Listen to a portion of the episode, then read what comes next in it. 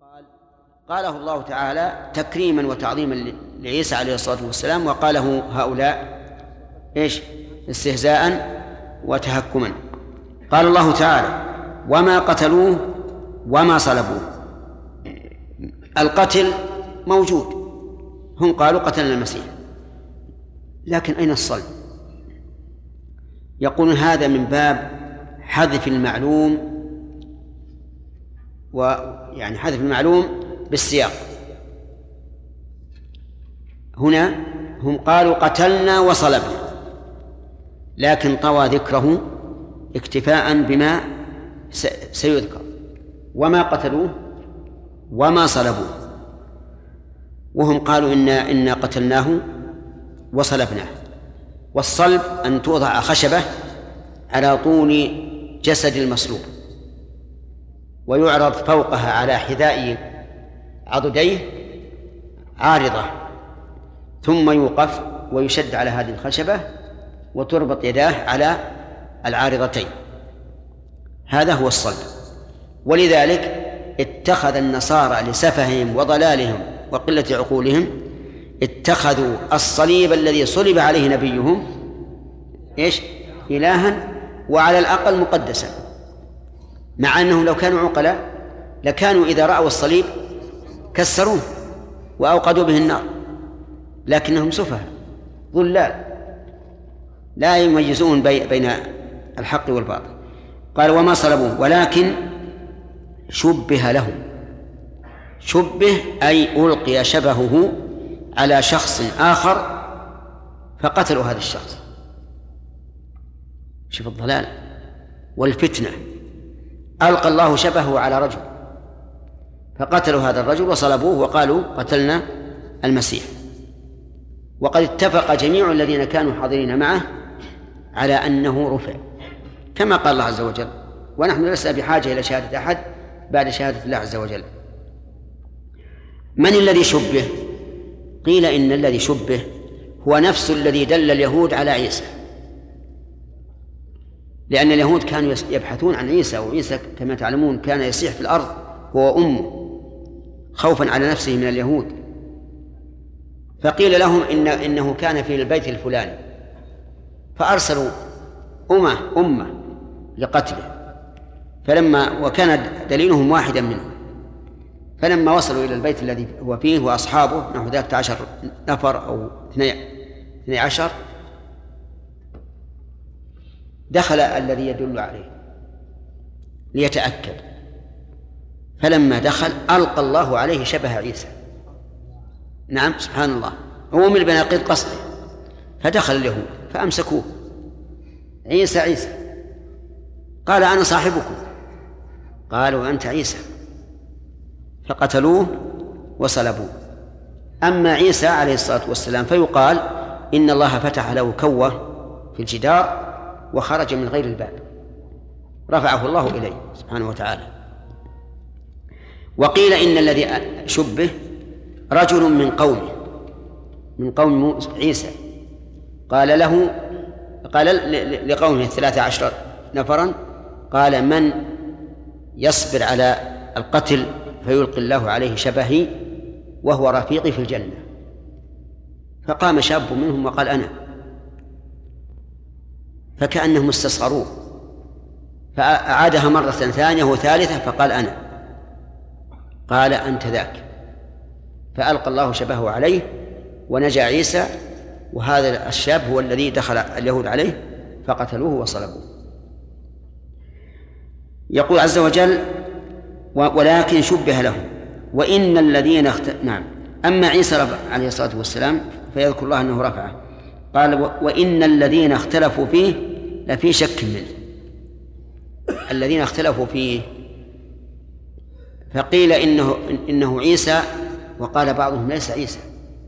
كأن الشبه ليس تاما ففيه ملامح عيسى وفيه ملامح غير غيره. ولذلك اختلفوا.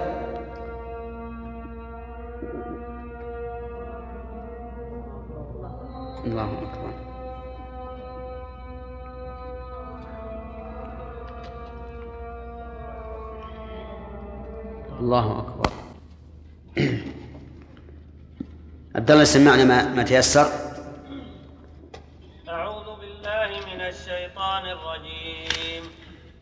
وإن من أهل الكتاب إلا ليؤمنن به قبل موته ويوم القيامة يكون عليهم شهيدا. فبظلم من الذين هادوا حرمنا عليهم طيبات أحلت لهم وبصدهم عن سبيل الله كثيرا. وأخذهم الربا وقد نهوا عنه وأكلهم أموال الناس بالباطل وأعتدنا للكافرين منهم عذابا أليما.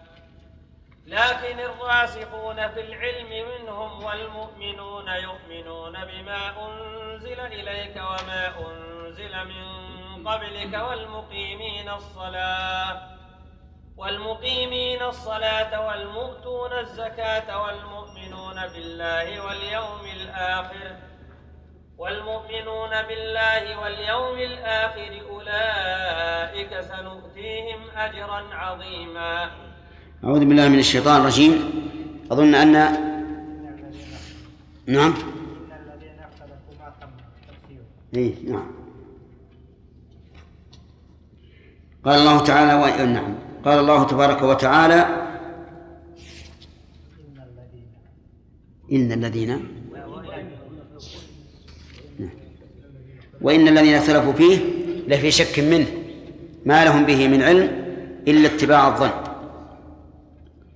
سبق لنا أن الله سبحانه وتعالى قال وما قتلوه وما صلبوه. أي ما قتلوا عيسى وما صلبوه.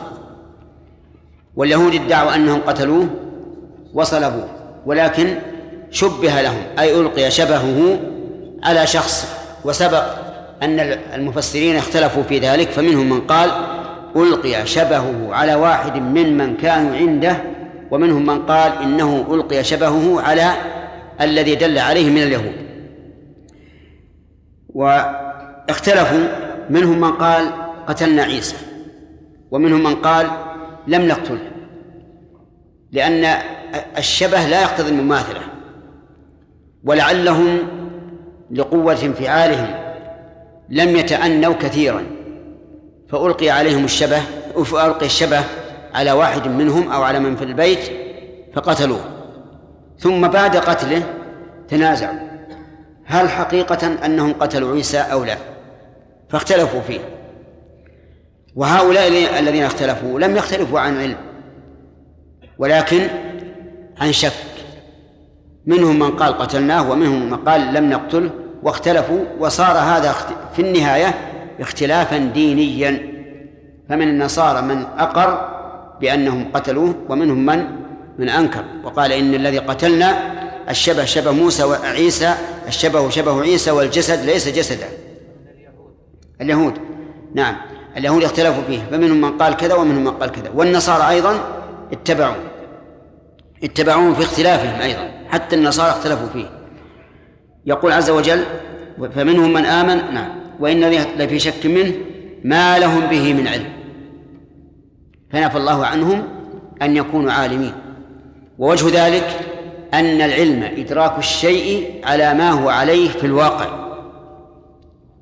إدراكا جازما. هذا هو العلم. العلم إدراك الشيء على ما هو عليه في الواقع إدراكا جازما. وهؤلاء لم يصلوا إلى هذا الحد. بل إنهم بل نعلم أنهم لم يعلموا هذا لأنهم ما قتلوه وما صلبوه. ما لهم به من علم. وما هنا نافية.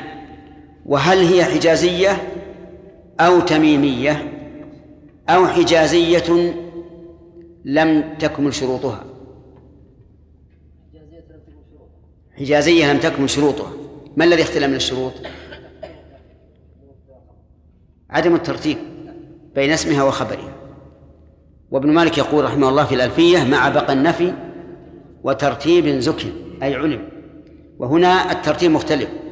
لو قلت ما زيد قائما كنت حجازيا. ولو قلت ما زيد قائم كنت تميميا. وقال الشاعر يصف معشوقته ومهفهف الأعطاف قلت له انتسب فأجاب ما قتل المحب حرام. إذن هي تميمية. ولو كانت حجازية لقالت ما قتل المحب حراما. لكن لا تعمل عمل ليس عند الحجازيين إلا مع الترتيب وبقاء النفي وهنا لا ترتيب. ولذلك نعرب ما نافية ولهم جار ومجرور خبر مقدم وعلم مبتدأ مؤخر. لكن دخل عليه حرف الجر الزائد إعرابا. الزائد معنى. لأن الحروف الزائدة إعرابا تفيد تقوية الكلام. إلا اتباع الظن إلا اتباع الظن. إلا هنا أداة استثناء لكن الاستثناء منقطع.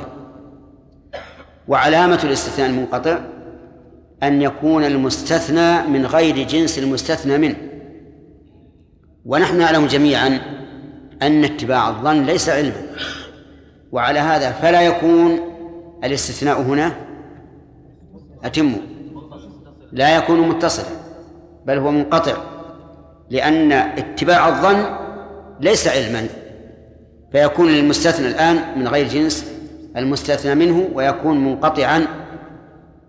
وتقدر لا في الاستثناء المنقطع بلكن يعني ما لهم به من علم لكن اتباع الظن.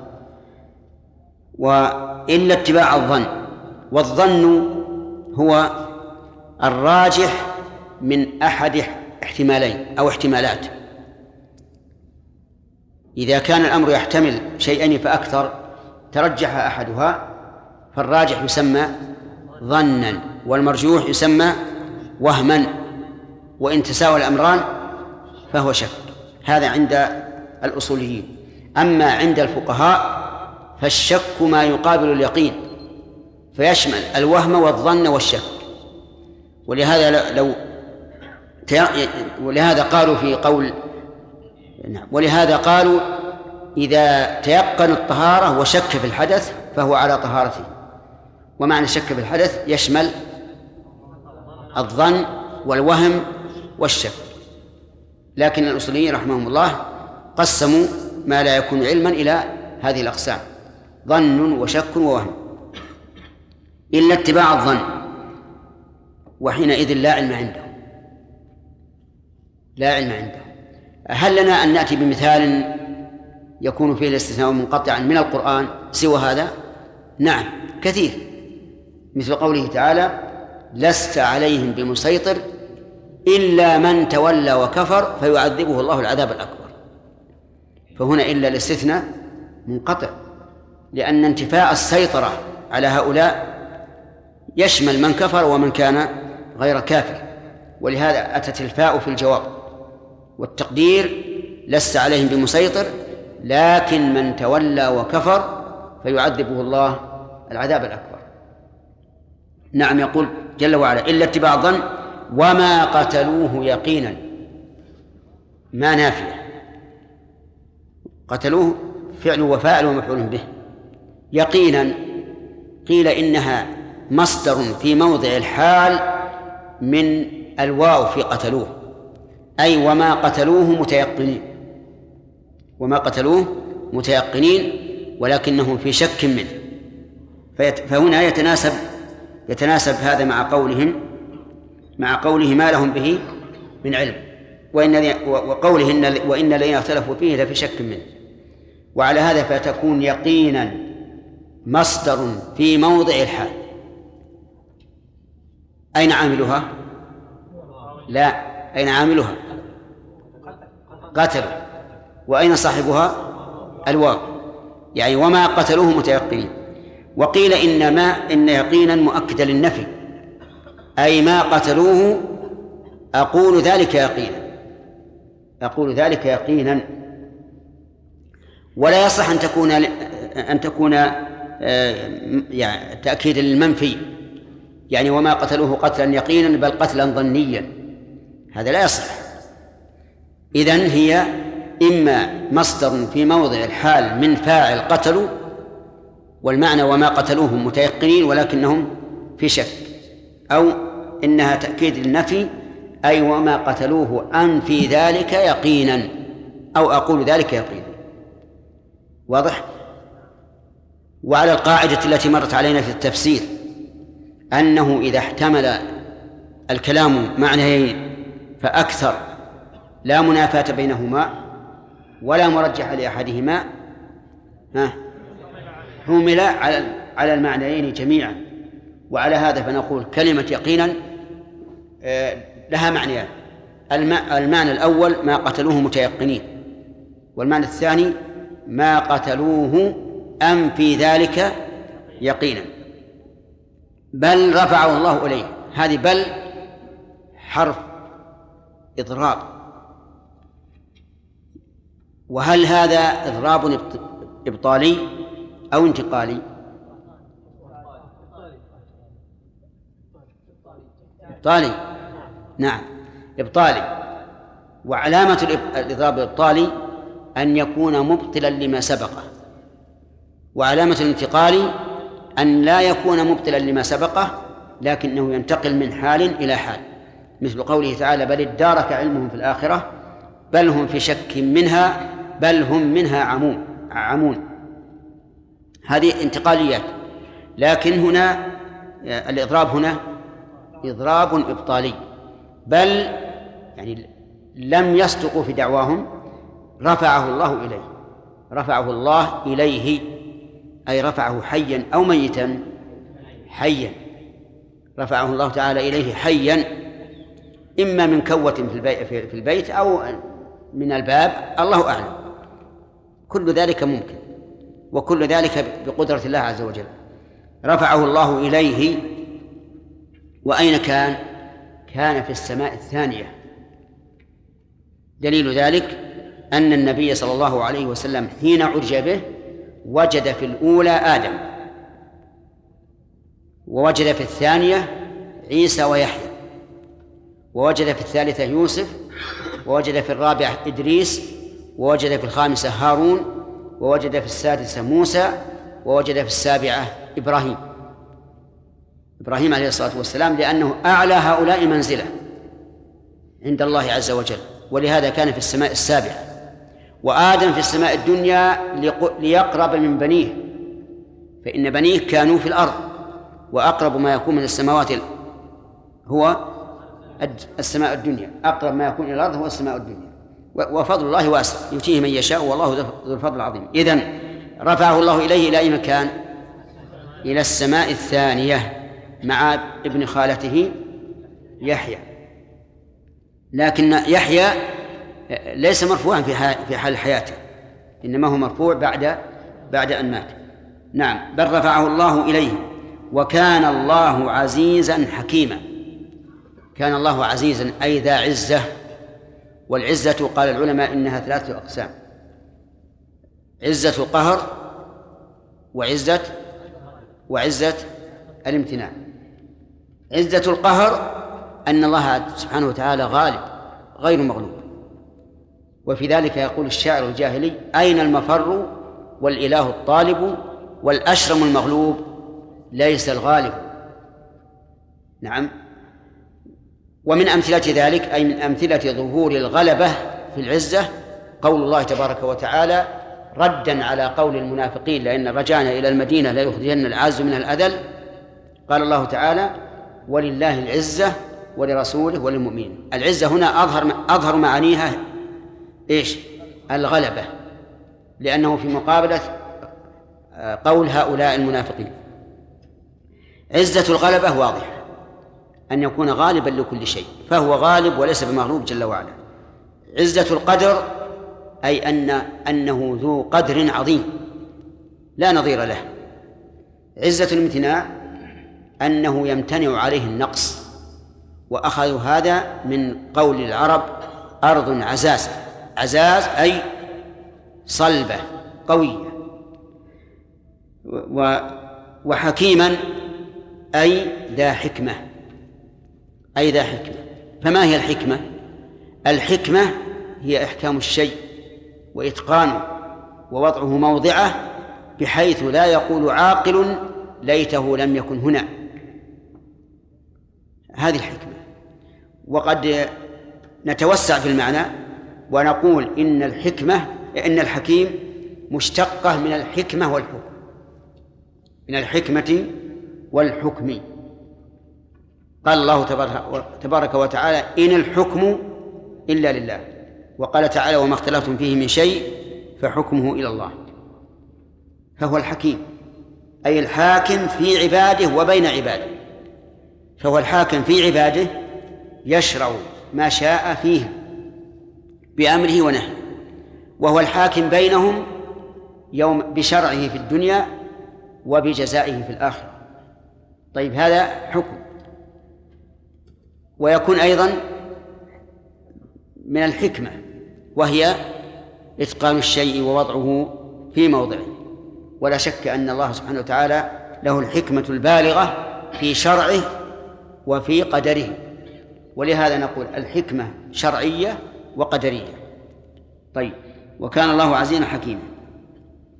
المناسبة يعني مناسبة ختم الآية بهذين الاسمين الكريمين لأن هؤلاء اليهود جاءوا مغالبين يريدون أن يقتلوا رسولا من رسل الله عز وجل. فناسب أن أن يأتي أو أن يختم الآية بالعزة والحكمة وهي هنا في الحكم أظهر منها في الحكمة. يعني هو الحاكم عز وجل ولذلك منع هؤلاء من إفسادهم وقتلهم النبي. ناخذ فوائد؟ طيب من أين؟ نعم. إيش؟ فوائد أول الفوائد. فلا يؤمن إلا قليلا. يعني من هنا نبدأ؟ قال الله تبارك وتعالى وبكفرهم وقولهم على مريم بهتانا عظيما. آه هنا من هذه الآية يؤخذ إثبات السبب لقوله وبكفرهم ومن فوائدها أن الكفر سبب للشر والفساد واللعن والإبعاد عن رحمة الله عز وجل. لأنه متعلق بمحذوف مثل كما قلنا في قوله فبما نقضهم ميثاقهم لعناهم ومن فوائدها أن اليهود رموا مريم ببهتان عظيم حيث قالوا إنها زانية وأن عيسى بن زنا نسأل الله العافية وهذا بهتان عظيم. ولكن هل نقول إنهم كفروا برميهم إياها. نقول أما من أما من قذفها بذلك بعد أن برأها الله من ذلك فهو كافر لا لقذفه ولكن لتكذيبه تبرئة الله سبحانه وتعالى إياها.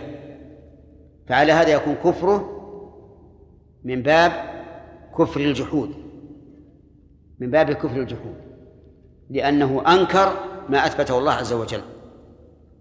والله سبحانه وتعالى قال ومريم بنت عمران التي أحسنت فرجها. فشهد الله لها بإحسان الفرج وعليه فمن رماها بما رماها به اليهود فإنه كافر مكذب لله عز وجل. طيب و و وليس هذا من أجل قذفها؟ نكفره الآن من أجل أن قذفها تكذيب لله عز وجل. ننتقل وإن كان ليس هناك يعني آه، علاقة تامة. لو قذف أحد من الناس زوجة النبي عليه الصلاة والسلام عائشة بما برأ بما برأها الله منه يكون كافر كافرا؟ نعم يكون كافرا من وجهين. الوجه الأول تكذيب خبر الله عز وجل وأول ما ذكر الله القصة ذكر الإفك. إن الذين جاءوا بالإفك عصبة منكم. مما يدل على أن هذه القضية من أصلها وفصلها كذب. فمن رمى أم المؤمنين عائشة بما برأها الله منه فإنه كافر مكذب لله عز وجل. وأيضا من وجه آخر أنه دنس فراش النبي عليه الصلاة والسلام. وإذا كانت أم المؤمنين عائشة وحشاها من أن تكون فعلت ما رميت به إذا كانت زانية والعياذ بالله فهي خبيثة. والخبيثات للخبيثين. ولهذا يلزم من ذلك أن يكون طعن بالرسول عليه الصلاة والسلام. زد على ذلك أنه طعن في حكمة الله. طعن في حكمة الله عز وجل أن يجعل هذه المرأة الزانية فراشا لأفضل البشر عنده. نعوذ بالله. طعن في حكمة الله. هل من الحكمة أن يجعل وليه وصفيه وخليله محمد صلى الله عليه وسلم يفترش امرأة زانية؟ ليس من الحكمة. فهؤلاء الذين يرمونها بما برأ الله منه هم كفرة لا شك. نشهد بالله أنهم كفرة. وليسوا من الإسلام في شيء. لأنهم كذبوا الله ورسوله ولأنهم دنسوا فراش النبي عليه الصلاة والسلام ولأنهم طعنوا في حكمة الله. ولا إشكال في هذا. طيب لو قذف غير أم المؤمنين عائشة من زوجات الرسول عليه الصلاة والسلام الذين مات اللاتي متنا وهن في حباله أو مات عنهن؟ فكذلك؟ فكذلك. الصحيح أنه يكفر. أنه يكفر. لماذا؟ لا نقول لأنه تكذيب لله لأن الله سبحانه وتعالى ما برأ واحدة منهن لكن لأنه دنس فراش النبي صلى الله عليه وسلم وطعن في حكمة الله. دنس فراشه وطعن في حكمة الله عز وجل. ولهذا كان القول الراجح أن من قذف واحدة من أمهات المؤمنين فإنه كافر. يباح دمه وماله إلا أن يتوب. فإذا تاب فينظر الإمام هل يرفع عنه القتل لأنه تاب أو لا يرفع لأنه حد هذا يرجع إلى رأي الإمام طيب ومن ومن فوائد الآية الكريمة إيش؟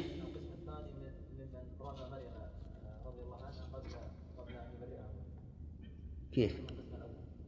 لا إذا إذا رمى من غير ما برأ الله منه فهذا يكون كغيرها من من رميت لأنها ليست هي زوجة نبي حتى نقول إنها إنه يكون طعن بالنبي.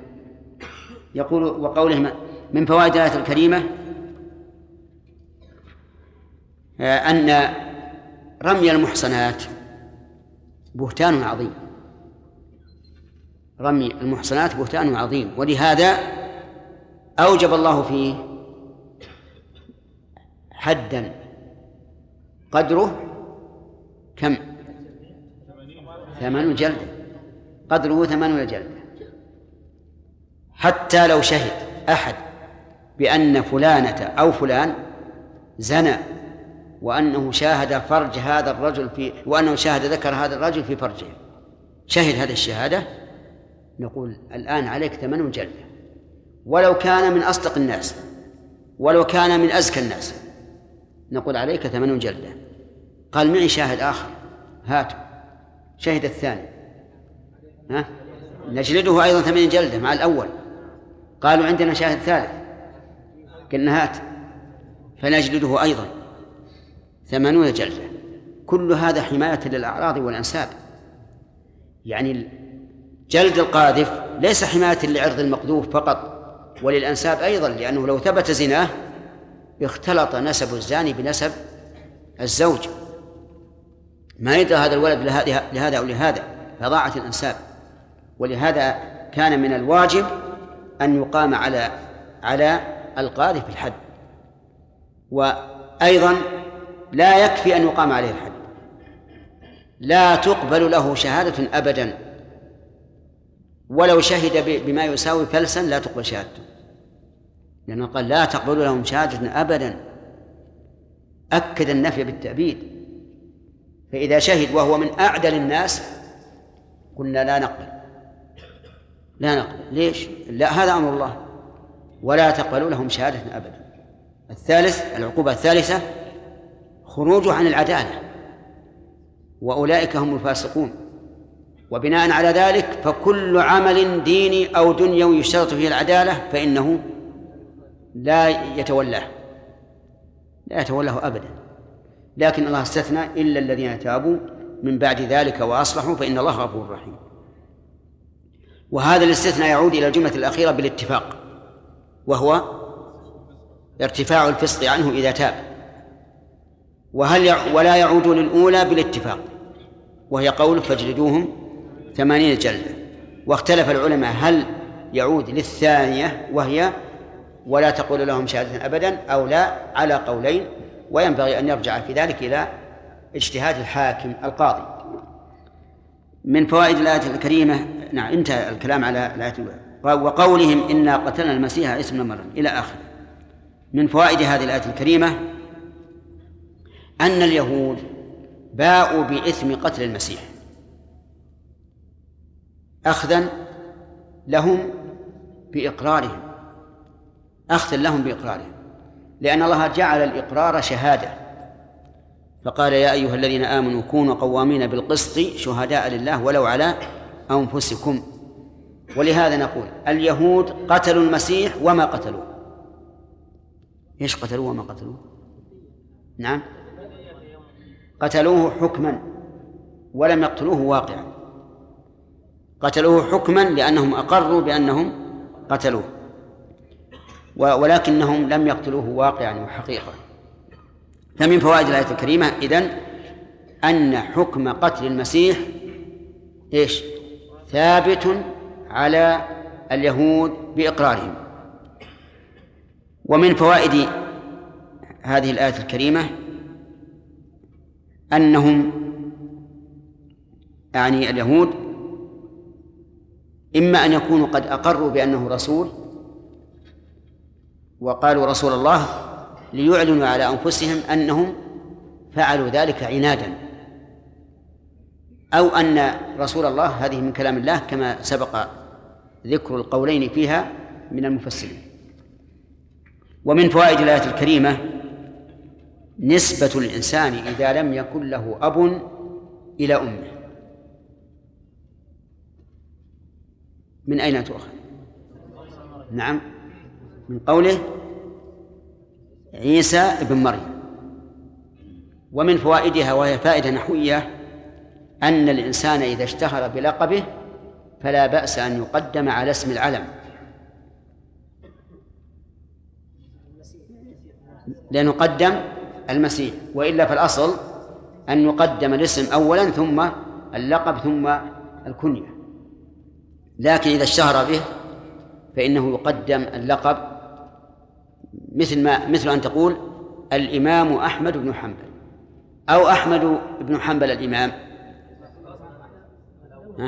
الأول لأنه مشتهر به.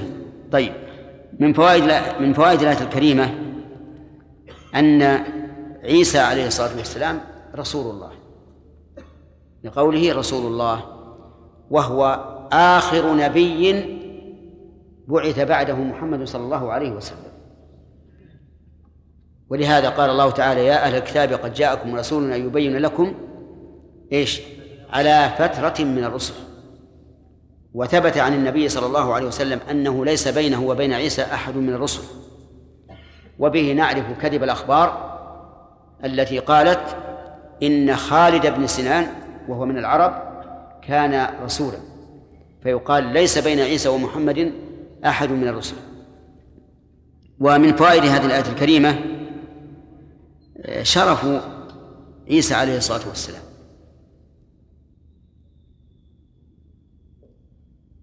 كيف؟ لأنه رسول الله. وكفى بالإنسان شرفا أن يكون رسولا لله. كما كفى به شرفا أن يكون عبدا لله. أليس كذلك؟ لكن الرسالة أخص أخص من العبودية. ومن فوائد الآية الكريمة أن عيسى عليه الصلاة والسلام لم يقتل ولم يصلب خلافا لمن؟ لليهود. والذي قال إنه لم يقتل ولم يصلب هو الله عز وجل. وما قتلوه وما صلبوه. ومن فوائد الآية الكريمة سفاهة النصارى وقلة تمييزهم حيث كانوا يعبدون الصليب ويعظمونه. ولو كانوا عقلاء نعم لكسروه. صليب يصلب عليه نبيهم ثم يذهبون إلى تقديسه. لو أخذنا بظاهر الحال لقلنا هذا دليل على بغضهم لعيسى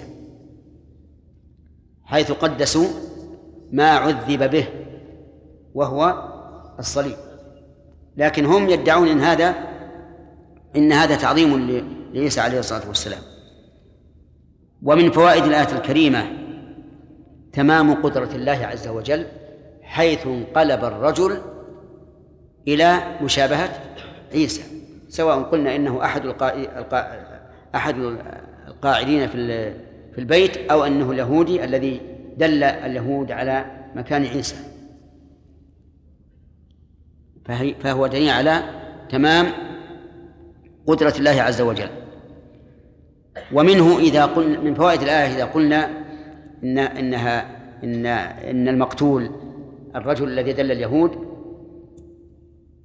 من فوائد الآية أن فيها تأييدا للمثل القائل من حفر لأخيه حفرة وقع فيها.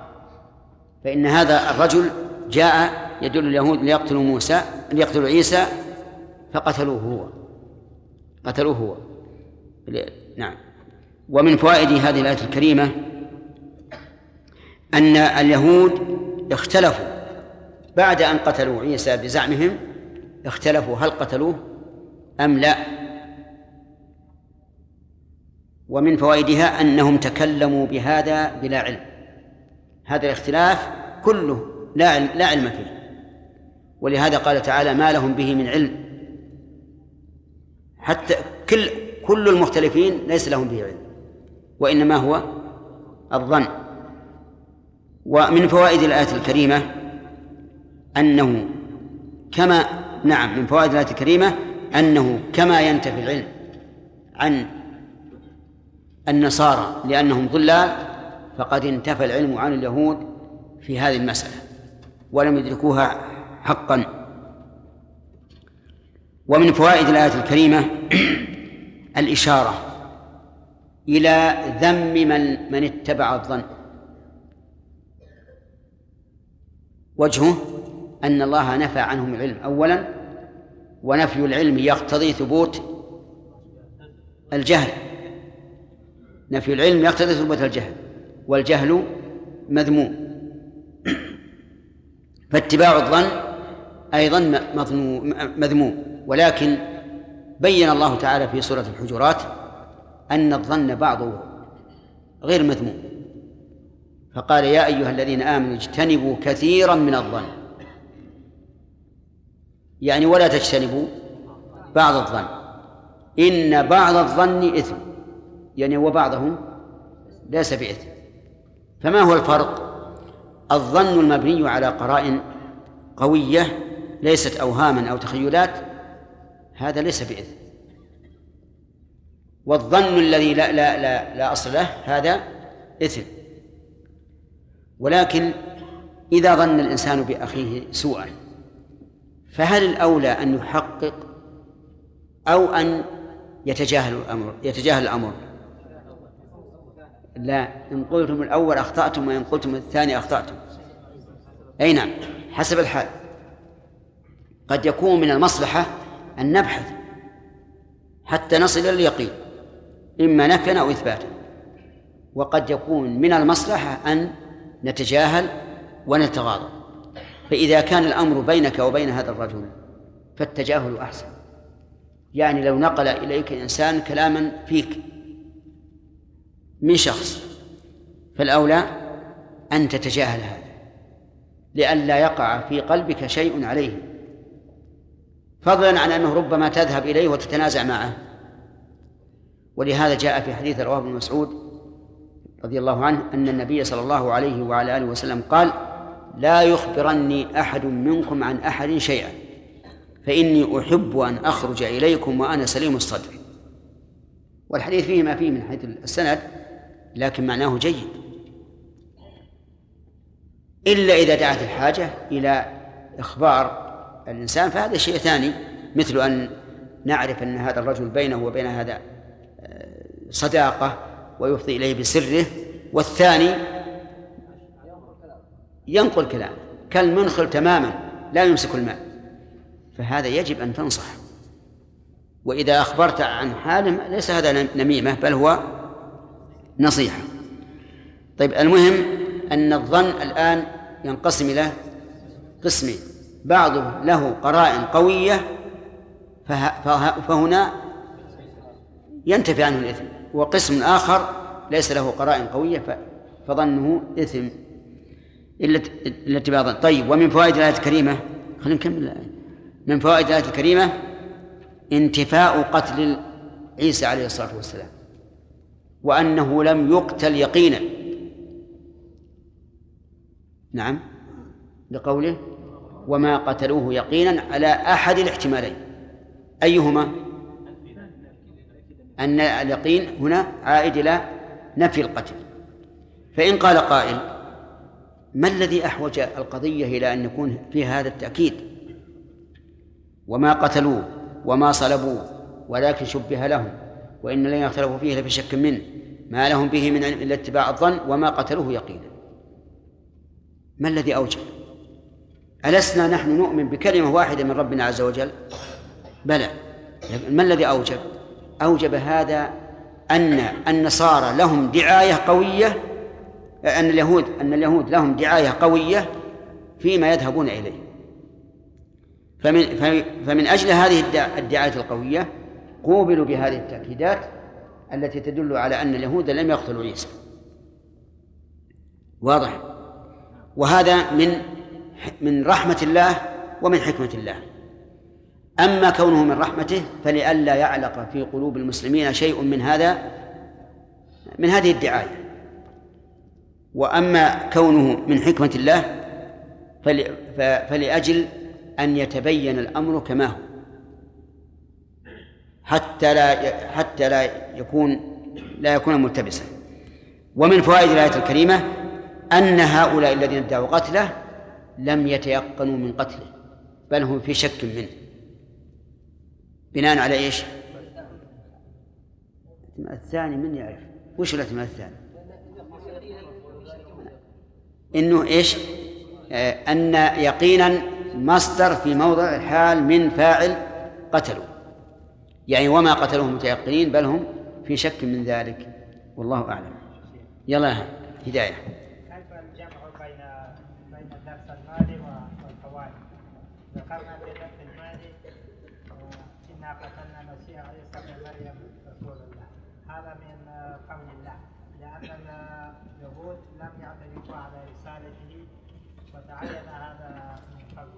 نعم.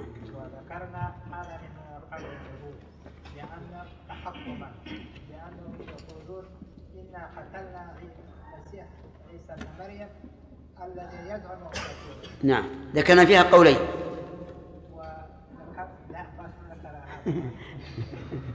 من ذولي قولين يا هداية الله. قولين. لا لا ذكرنا في الشرح قولين. لكن تريد أن نقول لابد نقول فيها قولان؟ ما يحتاج إذا ذكرنا هذا وهذا.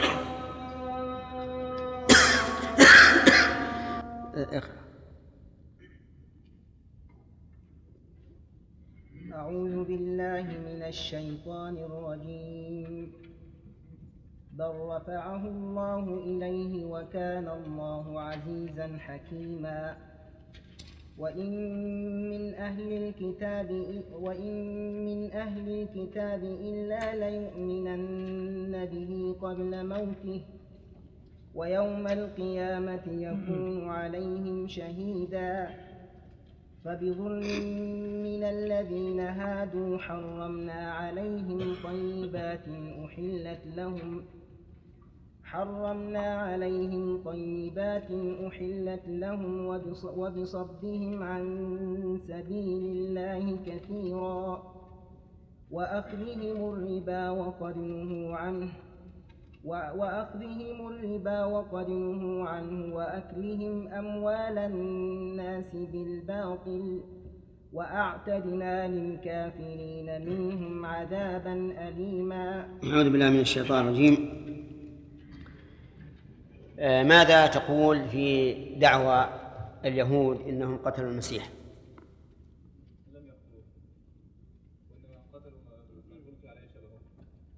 يعني اذا الدعوة هذه كذب ما الدليل؟ قوله تعالى وما قتلوه يقينا طيب كلمة يقينا هنا هل هي عائدة إلى فعلهم أو عائدة إلى النفي؟ يحتمل ان تعود على على الجهتين فان قلنا انها عائده على القتل فان القتل الذي قتلوه ليس هو قتل يقيني. القتيل. القتيل ليس ليس هو عيسى نفسه. نعم. وإن قلنا أنها عائدة على النفي فإنه ينفي تحقق فعل القتل منه. فإنه يؤكد انتفاء القتل. طيب. وإذا احتملت الآية المعنيين جميعا قل يا أخ فما الحكم؟ إذا احتملت الآية المعنيين جميعا.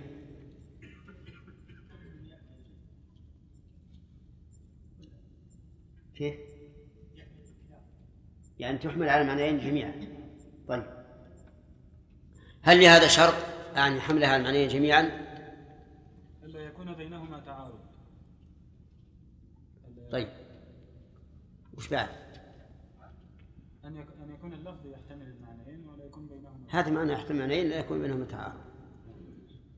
ثاني. هذه معناها واحد. لا يكون الحمل على وجه مستدرك. يعني وجه بعيد له أن لا يترجح أحدهما على الآخر. أن لا يترجح أحدهما على الآخر. فإن ترجح أحدهما على الآخر أخذ بالراجح. قوله إلا اتباع الظن. الاستثناء هنا آه، بماذا نصفه؟ هنا. نعم.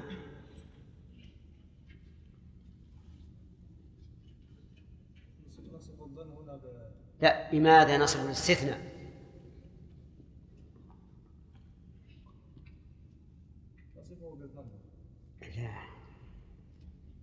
لا آدم ها منقطع ما هو ضابط الاستثناء المنقطع؟ إذا كان المستثنى من غير جنس المستثنى فما وجه المخالفة هنا؟ لأن اتباع الظن ليس من العلم. نعم. ثم قال الله تبارك وتعالى بل بل رفعه الله إليه وكان الله عزيزا حكيما. بل هنا للإضراب وهو إضراب إبطال. ها؟ أيهن؟ لا موجب كلام ما ما ما شرحنا شرحت؟ طيب إذا من فوائد هذه الآية الكريمة آه، إبطال ما ادعاه هؤلاء من قتل عيسى بن مريم عليه الصلاة والسلام حيث نفى قتله ثم بين أنه مرفوع إلى الله ومن فوائدها إثبات علو الله عز وجل لقوله إليه وإلى للغاية فدل ذلك على أن المرفوع إليه عال والأدلة على علو الله تعالى بذاته كثيرة لا تحصر من القرآن والسنة وإجماع السلف والعقل والفطرة وقد تكرر هذا كثيرا وبيناه والحمد لله.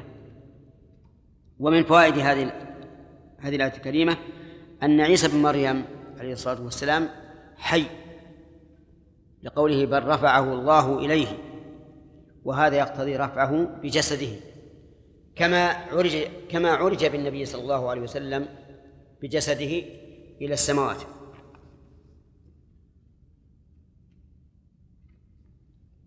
و ومن فوائد هذه الآية الكريمة إثبات هذين الاسمين لله عز وجل وهما العزيز والحكيم. والعزيز المتصف بالعزة والحكيم المتصف بالحكم والحكمة لأنها من حكم وأحكم.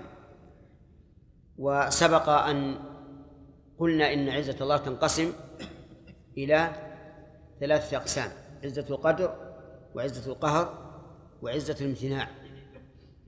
ف... ف... فهي ثلاثة معان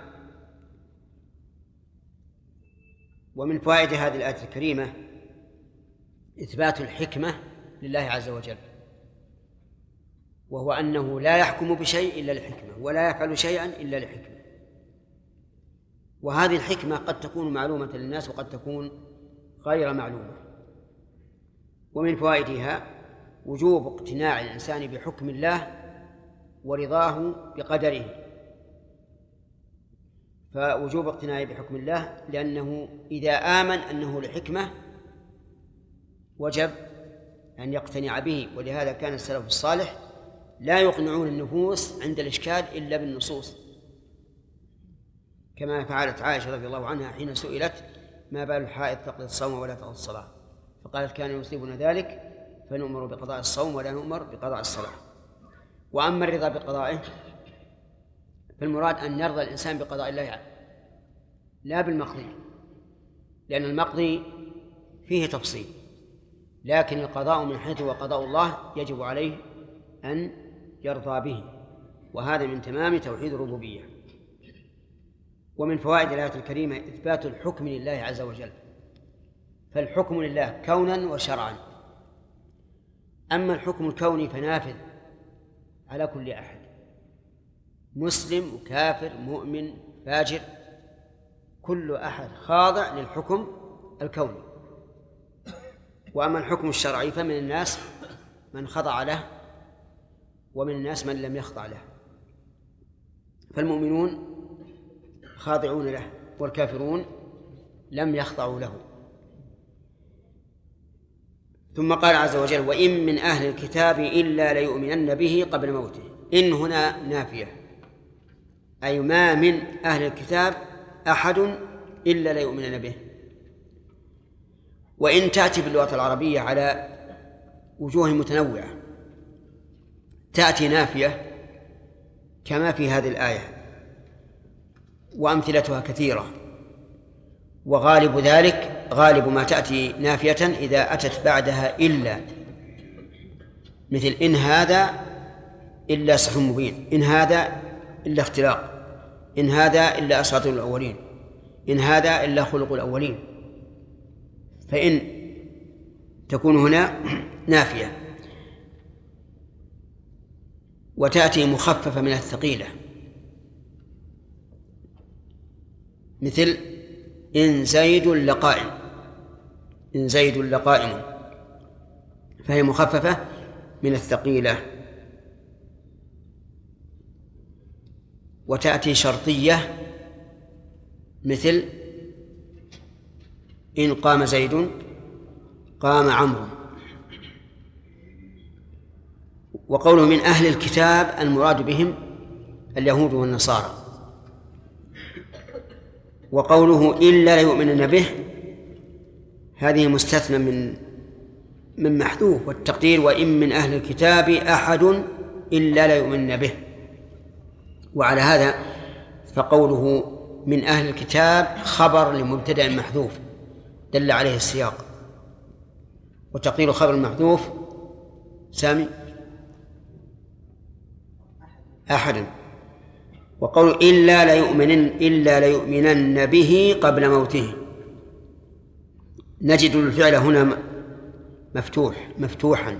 إلا ليؤمنن به مع أننا لا نشاهد أداة نصب.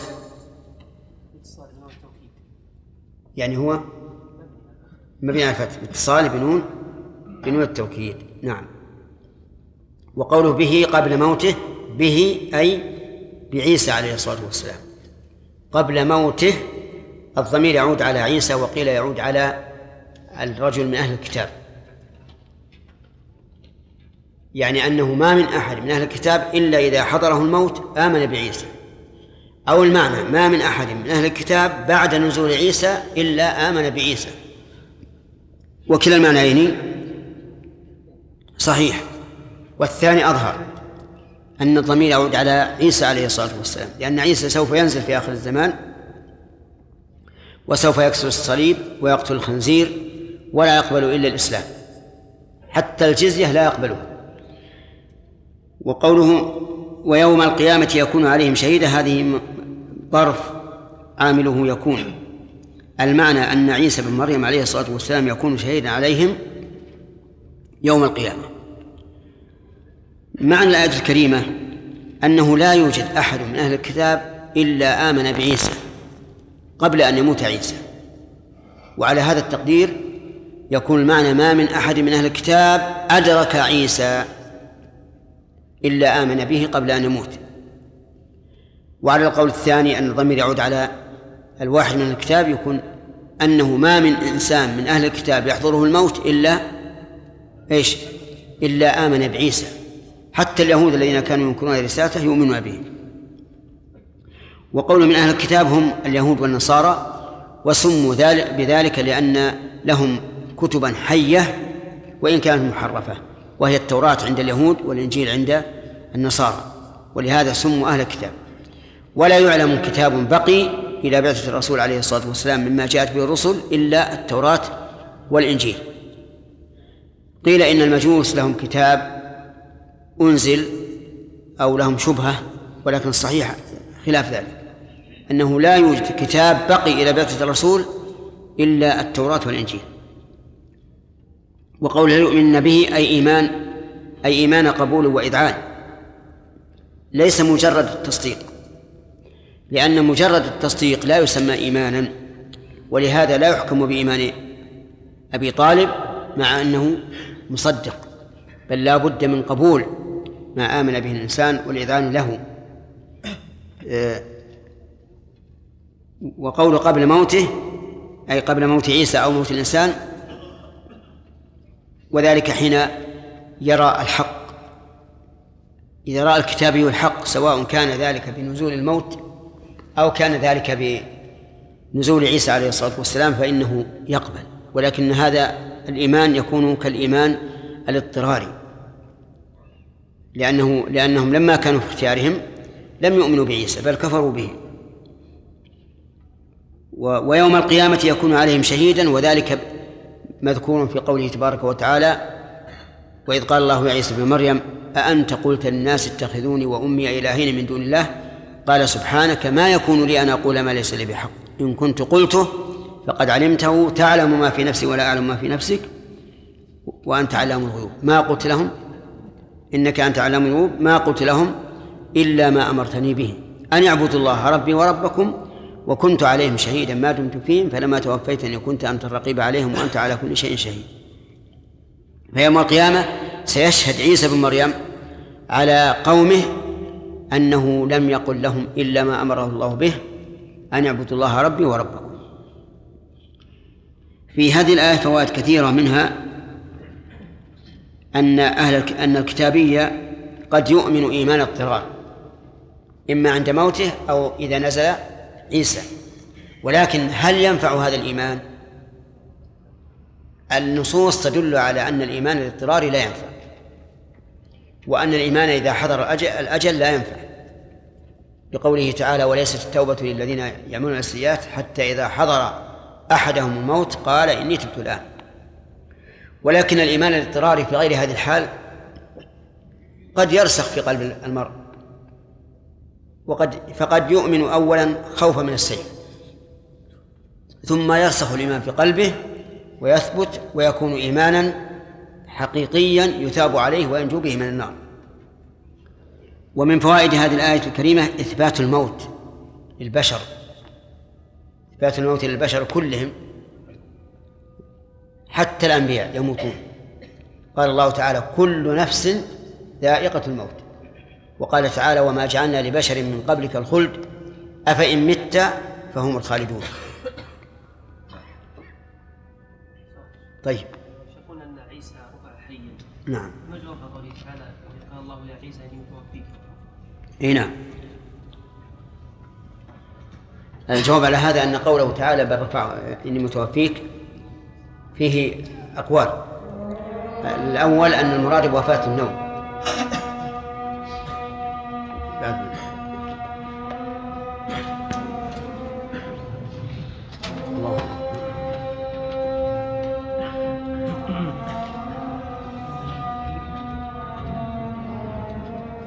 قول الله تعالى وهو الذي يتوفاكم بالليل ويعلم ما جرحتم بالنهار ثم يبعثكم فيه.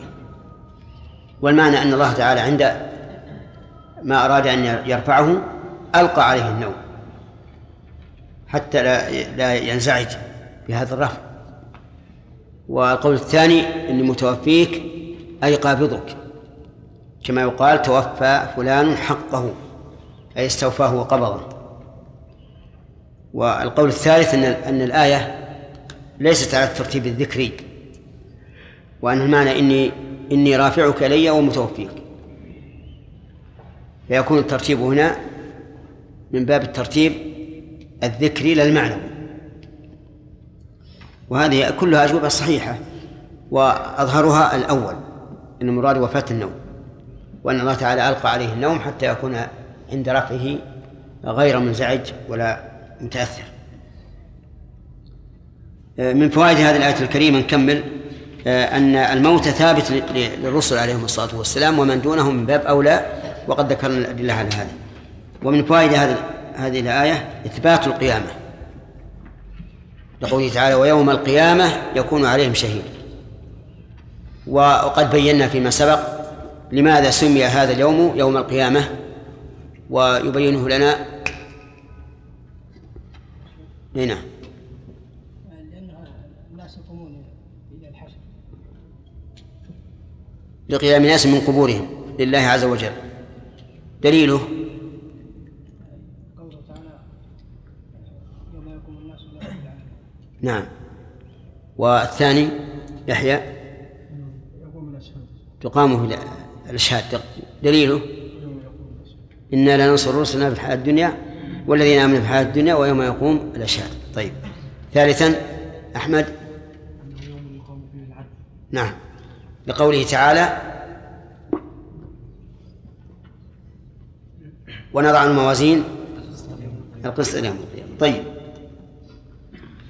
ومن فوائد هذه الآية الكريمة أن الرسل عليهم الصلاة والسلام يشهدون على أممهم. لقوله ويوم القيامة يكون عليهم شهيدا. وهذا عام في كل الرسل لقوله تعالى فكيف إذا جئنا من كل أمة بشهيد وجئنا بك على هؤلاء شهيدا وهل يكون العلماء الذين هم ورثة الأنبياء هل يكونون شهداء؟ الجواب نعم فإن العلماء يشهدون على الأمم. ببلوغ الرسالة إليهم ويشهدون للرسل بأنهم بلغوا ولهذا كان ورث كان العلماء ورثة الأنبياء. ويمكن أن نقول ومن فوائد هذه الآية أن الناس يوم القيامة يتكلمون ويستشهدون ويناجون أو لا يمكن؟ يمكن. يمكن. لأن الله يقول وإذ قال الله يا عيسى ابن مريم أأنت قلت للناس اتخذوني وأمي إلهين من دون الله؟ أجابه قال سبحانك ما يكون لي أن أقول ما ليس لي بحق. الآن هادوا حرمنا عليهم طيبات أحلت لهم. ألف عاطفة. على ما سبق والباء هنا للسببية. والظلم في الأصل النقص. ومنه قوله تعالى كلتا الجنتين آتت أكلها ولم تظلم منه شيئا. وأما في الشرع فهو التعدي سواء كان بنقص واجب أو بفعل محرم. وقول من الذين هادوا يعني بهم قوم موسى حين قالوا إنا هدنا إليك أي رجعنا مع رجوعهم والتزامهم بالرجوع إلى الله ظلموا أنفسهم. فبظلم من الذين هادوا حرمنا عليهم طيبات لهم. هذا العامل هذا الفعل هو العامل في قوله فبظلم. يعني فالجار المشهور في قوله بظلم متعلق بقوله حرمنا. والتحريم في اللغة المنع ومنه حريم البئر وهو ما حولها يمنع من إحياء ما حوله. ومنه سمي النساء حريما لاحتجابهن ومنع والمنع من التعدي عليهن. حرمنا عليهم طيبات أحلت لهم. طيبات أي أطعمة طيبات فهي موصوف فهي صفة لموصوف محذوف. والطيب ضد الخبيث. والخبيث له إطلاقات متعددة. تارة يراد بالشيء النجس وتارة يراد به الرديء وتارة يراد به المحرم مطلقا. وقوله طيبات أحلت لهم أي كانت بالأول حلالا وهي باقية على طيبها لكن حرمت عليهم بسبب ظلمهم. أحلت لهم من المحل؟ المحل هو الله عز وجل لأنه هو الذي بيده الأمر. وبصدهم عن سبيل الله كثيرا. الواو حرف عطف.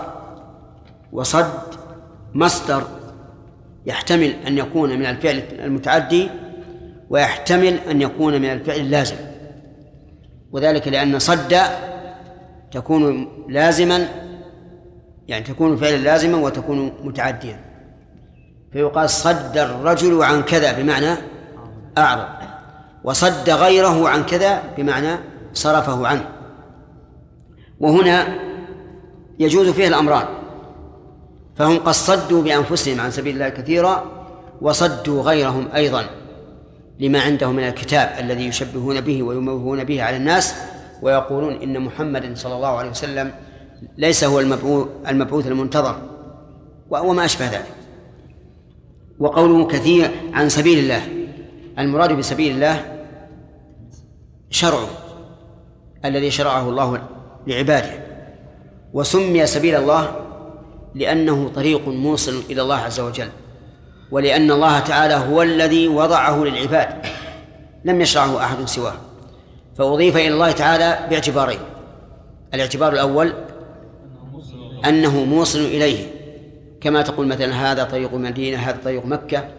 والثاني أن الله هو الذي وضعه للعباد وشرعه لهم مع أنه يضاف أحيانا لسالكيه كقوله تعالى ويتبع غير سبيل المؤمنين غير سبيل المؤمنين. فهنا أضاف السبيل إلى المؤمنين باعتبار أنهم سالكون وعلى هذا فإذا أضيف السبيل إلى الله كان باعتبارين. وإذا أضيف إلى العباد صار باعتبار واحد. عن سبيل الله كثيرا كثيرا يختلف إعرابها باختلاف كلمة صد. إن كانت لازمة فهي صفة لمصدر محذوف. أي سجودا كثيرا. وإن كان متعدية فهي مفعول لصد. وإن شئت فقل صفة لمفعول صد المحذوف أي خلقا كثيرا. وهم في الواقع جديرون بالوصفين فإنهم صدوا بأنفسهم وصدوا غيرهم. وأخذهم الربا وقد نهوا عنه. هذا الوصف الرابع. الثالث أخذهم الربا. ولم يقل أكل لأن الأخذ أعم. قد يأخذ الإنسان الربا و ولا يأكل يستعمله في لباس أو في بناء أو ما أشبه ذلك. وقد يأخذه للأكل. تارة يعبر بالأكل كقوله تعالى الذين يأكلون الربا لا يقومون إلا كما يقوم الذي يتخبطه الشيطان من المس. وتارة يعبر بالأخذ وهو أعم. لكن التعبير بالأكل أشد لأن ممارسة الآكل للربا أشد من ممارسة غير الآكل أشد من ممارسة الآخر. إذ أن الآخذ قد يستعمل الربا وقد ينفده في أمور أخرى غير الأكل. وقول الربا الزيادة لغة الربا لغة الزيادة وفي الشرع الزيادة في أشياء معينة. بينها النبي صلى الله عليه وسلم في ستة أشياء. عدها يا آدم. اللي جنبك. جنبك. ما هي ما هي؟ أنا لست لست أطلب الدليل. ما هي؟ لا تأخذها. أعطنيها أولا. طيب الذهب بالذهب غلط. الذهب هذا ذهب نعم الذهب. والفضة نعم. والحنطة. الحنطة؟ شيء الذهب والفضة. نعم. والشعير. نعم. وال والزبيب الزبيب؟ ما علمنا بها إلا إلا الساعة الذهب وال- والفضة. والشعير. والبر والتمر. والملح. والملح. هذه ستة أشياء. آه، دليلها قوله محمد؟ قوله وسلم الذهب بالذهب والفضة بالفضة والبر بالبر والملح بالملح والشعير بالشعير والتمر بالتمر مثل مثل هذا بيد سواء بسواء طيب. تمام. هل يلحق بهذه الستة غيرها؟ سبق لنا أن العلماء اختلفوا فيها. في ذلك. أما أهل الظاهر فقالوا لا يلحق بها غيرها لأنهم يمنعون القياس. وأما القياسيون فاختلفوا. فمنهم من قال لا يلحق بها غيرها. يقتصر على ما جاء به النص. كابن عقيل الحنبلي رحمه الله حيث قال يقتصر على ما جاء به النص مع أنه من أهل القياس والمعاني لكنه قال إن العلماء اختلفوا في العلة واضطربوا وليس هناك نص بين يجب المصير إليه. فإذا اختلفوا فهم كاختلاف المأمومين على الإمام في الزيادة أو النقص في الصلاة. والمعروف أنه إذا اختلف المأمومون على الإمام في الزيادة والنقص سقطت سقطت أقواله لم يؤخذ لا بقول الزيادة ولا بقول النقص. فيقول لما اختلف العلماء رحمهم الله في علة الربا في هذه الأشياء الستة بطلت العلة. ورجعنا إلى القول بأنه يقتصر على ما جاء به النص. والقول الثاني عند أصحاب القياس أنها آه، أن أن العلة معقولة ويمكن أن يلحق بهذه الأشياء الستة ما كان مثلها. ثم اختلفوا في المماثلة. هل هي الطعم أو الكيل أو الكيل والادخار؟ ولهذا كانت أقوال العلماء في هذه المسألة أقوالا مضطربة. لا تكاد تأتي على شيء تطمئن إليه كثيرا. على كل حال نحن نقول الربا الذي حرمه الله ورسوله سواء كان ذلك عن طريق الأثر أو عن طريق النظر والقياس. أخذهم الربا وقد نهوا عنه. الواو هنا للحال يعني والحال أنهم قد نهوا عنه وبلغوا وقامت عليهم حجة لكنهم أخذوه. والنهي عنه هو الله ورسوله الرابع الوصف الرابع وأكلهم أموال الناس بالباطل. أكلهم أموال الناس بالباطل.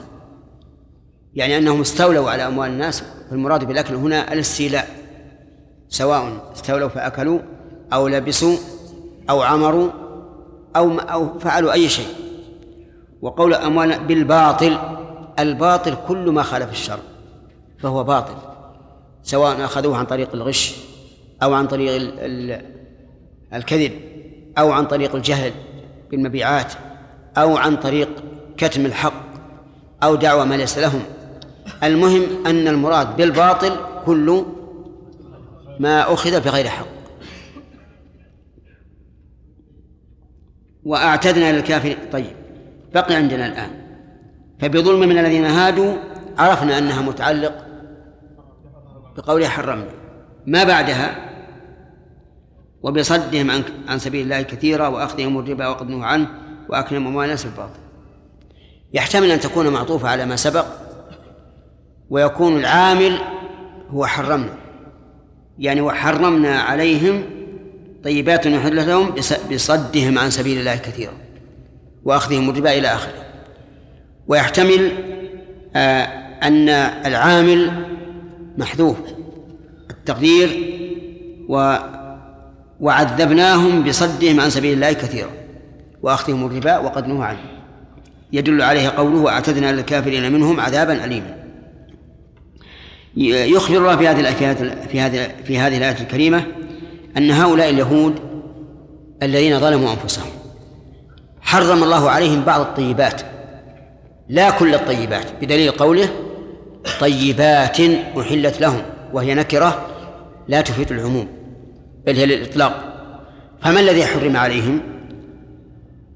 قال الله تعالى مبينا ذلك في سورة الأنعام وعلى الذين هادوا وعلى الذين هادوا حرمنا كل ذي ظفر ومن البقر والغنم حرمنا عليهم شحومهما إلا ما حملت ظهورهما أو الحوايا أو ما اختلط بعظم فحرم الله عليهم من أجناس الحيوان كل ذي ظفر. والمراد بكل ذي ظفر كل ما آه، رجلاه أو قدماه غير مشقوق. غير مشقوق يعني الذي لم تشق رجله يسمى ذا الظفر مثل الإبل والنعام والنح والنحم وما أشبه ذلك. يعني الذي ليس له أصابع ولا شق قدمه يسمى ذا الظفر. وعلى هذا فالإبل محرمة على بني على بني إسرائيل. وحلت لهم وبصدهم عن سبيل الله كثيرا يعني أنه أنهم كانوا صادين عن سبيل الله وصادين لغيرهم أيضا. فهم مستكبرون ومجرمون مستكبرون عن طاعة الله بصدهم بأنفسهم مجرمون حيث اعتدوا على غيرهم وصدوهم عن سبيل الله. وأخذهم الربا يعني أخذهم إياه أكلا واستعمالا وانتفاعا نهوا عنه وهذا أشد في الإثم والتحريم لأنهم قد قامت عليهم الحجة. و وكذلك أيضا وصفهم بأنهم يأكلون أموال الناس بالباطل. ومن ذلك الرشوة. فقد كانوا أكالين للسحت. الرشوة في الحكم يعني أنهم يرشون الحكام ليحكموا لهم بما بما لم ينزل بما لم ينزل به الله شرعا. ثم بين عز وجل أنه أعد للكافرين منهم عذابا أليما. وهنا تجدون الإظهار في موضع الإضمار حيث لم يقل وأعتدنا لهم بل قال للكافرين منهم عذابا أليما. وقد سبق أن للإظهار في موضع الإضمار فوائد. محمد؟ منها علية البيان علية الحكم.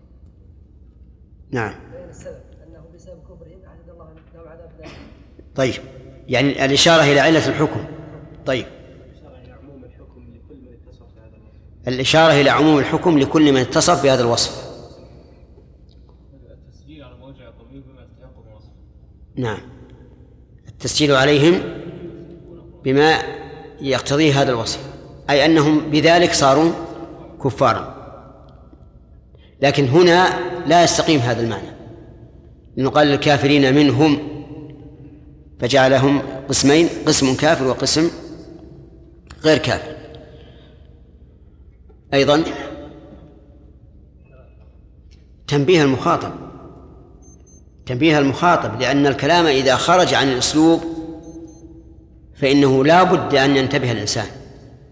ومن ذلك الإظهار في نعم ومن ذلك آه، الالتفات من الخطاب إلى الغيبة أو بالعكس.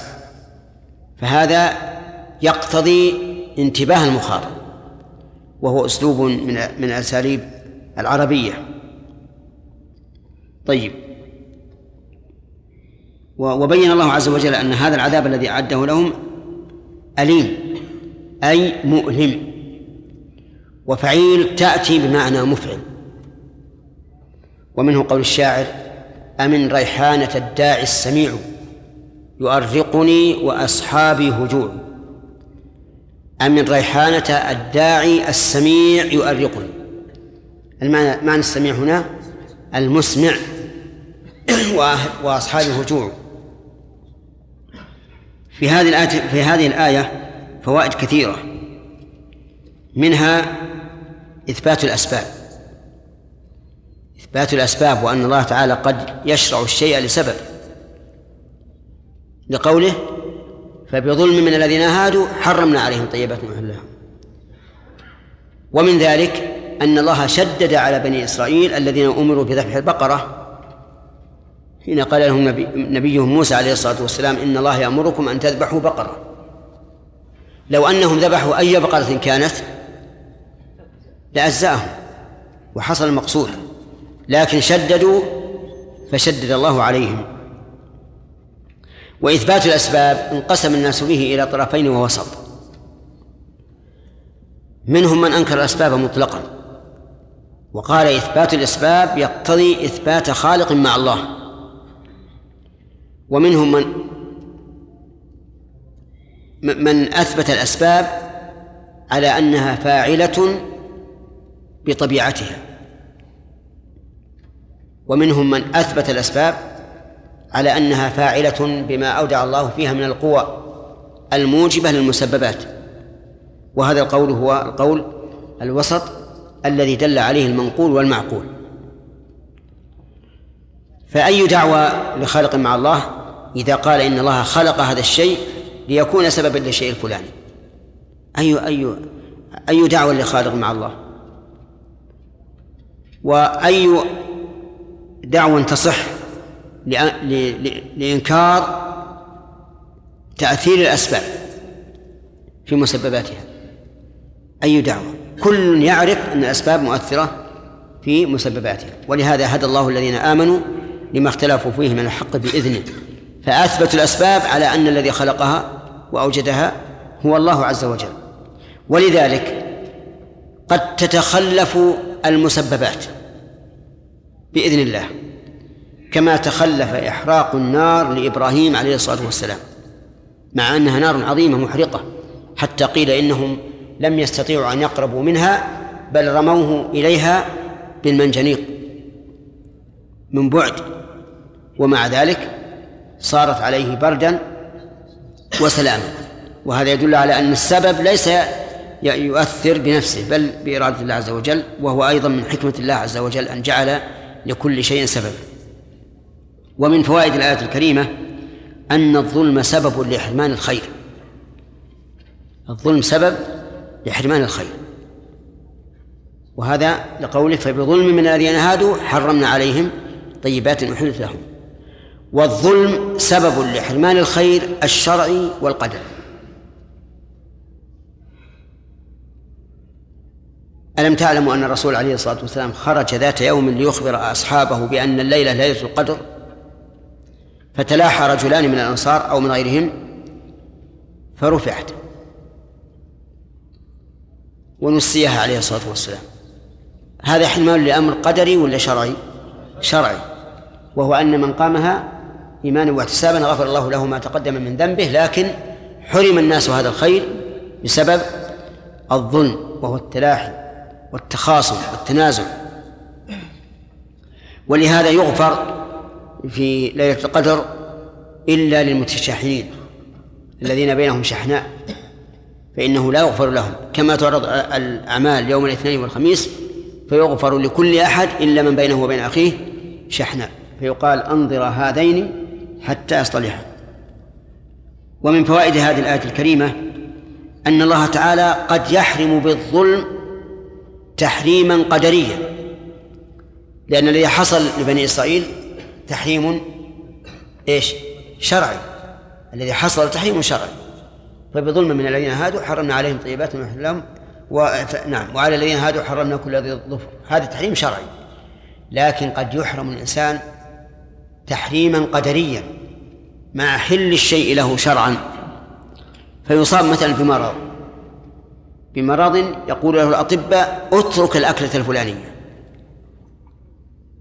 بسبب ظلمه بسبب ظلمه. الإنسان مثلا قد يتهور ويسرف في الإنفاق. والإسراف في الإنفاق أكلا وشربا ولبسا حرام ولا حلال؟ حرام. كيف حرام؟ الدليل. ولا تسرفوا إنه لا يحب المسرفين. طيب قد يسرف الإنسان فيحرم من هذا الخير الذي أسرف فيه قدرا. نعم قدرا لا شرعا بأن يصاب بمرض لا يتلائم معه أن يأكل كل شيء أو أن يلبس كل شيء. وهذا نسميه تحريما إيش؟ تحريما قدريا. طيب ومن فوائد هذه الآية الكريمة أن الأمر إلى الله تعالى تحليلا وتحريما لقوله حرمنا وقوله وحلت لهم. وهو كذلك. التحليل والتحريم ليس إلينا ولا ولا إلى أحد من الناس إلا إلى الله ورسوله. فالتحريم إلى الله وإلى رسوله والتحليل كذلك والإيجاب كذلك. قال الله تعالى ولا تقولوا لما تصف ألسنتكم الكذب هذا حلال وهذا حرام لتفتروا على الله الكذب. ومن فوائد الآية الكريمة أن الطيبات نفسها, نفسها قد تكون ممنوعة شرعا وهو كذلك. قد تكون الطيبات ممنوعة على هذا الإنسان شرعا. حتى بعد كمال كمال الدين. يقول شيخ الإسلام إن الطعام حرام على الإنسان إذا كان يتأذى به لو أكل أو خاف التخمة فإنه يكون حراما عليه. يعني مثل إنسان ملأ بطنه من الطعام لكن الطعام لكن الطعام كان شهيا ولذيذا. فجعل يأكل يأكل يأكل حتى وصل إلى الحلقوم. هذا يتأذى أو لا؟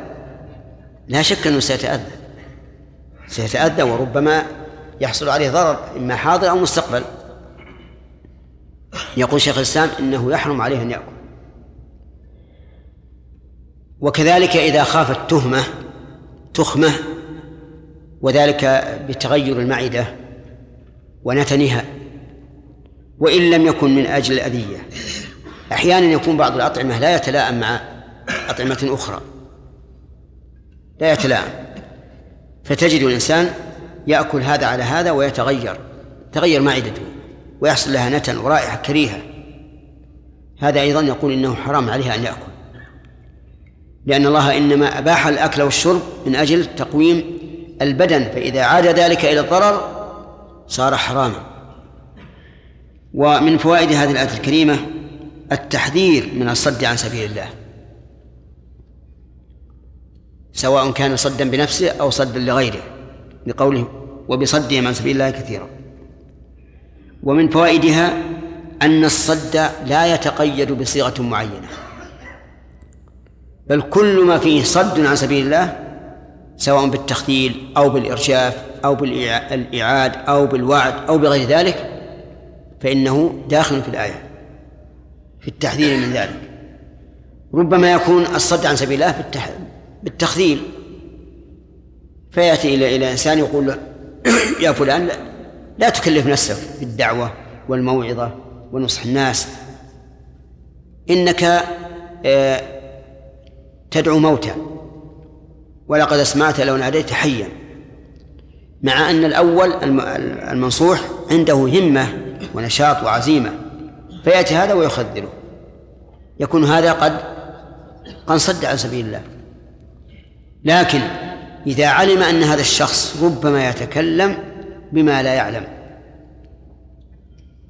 فهل تخذيله عن الكلام من الصد عن سبيل الله أو من حماية سبيل الله؟ الثاني يعني ربما يأتي إنسان عنده إقدام وعنده شجاعة ويحب أن يدعو بكل شيء لكن لا علم عنده.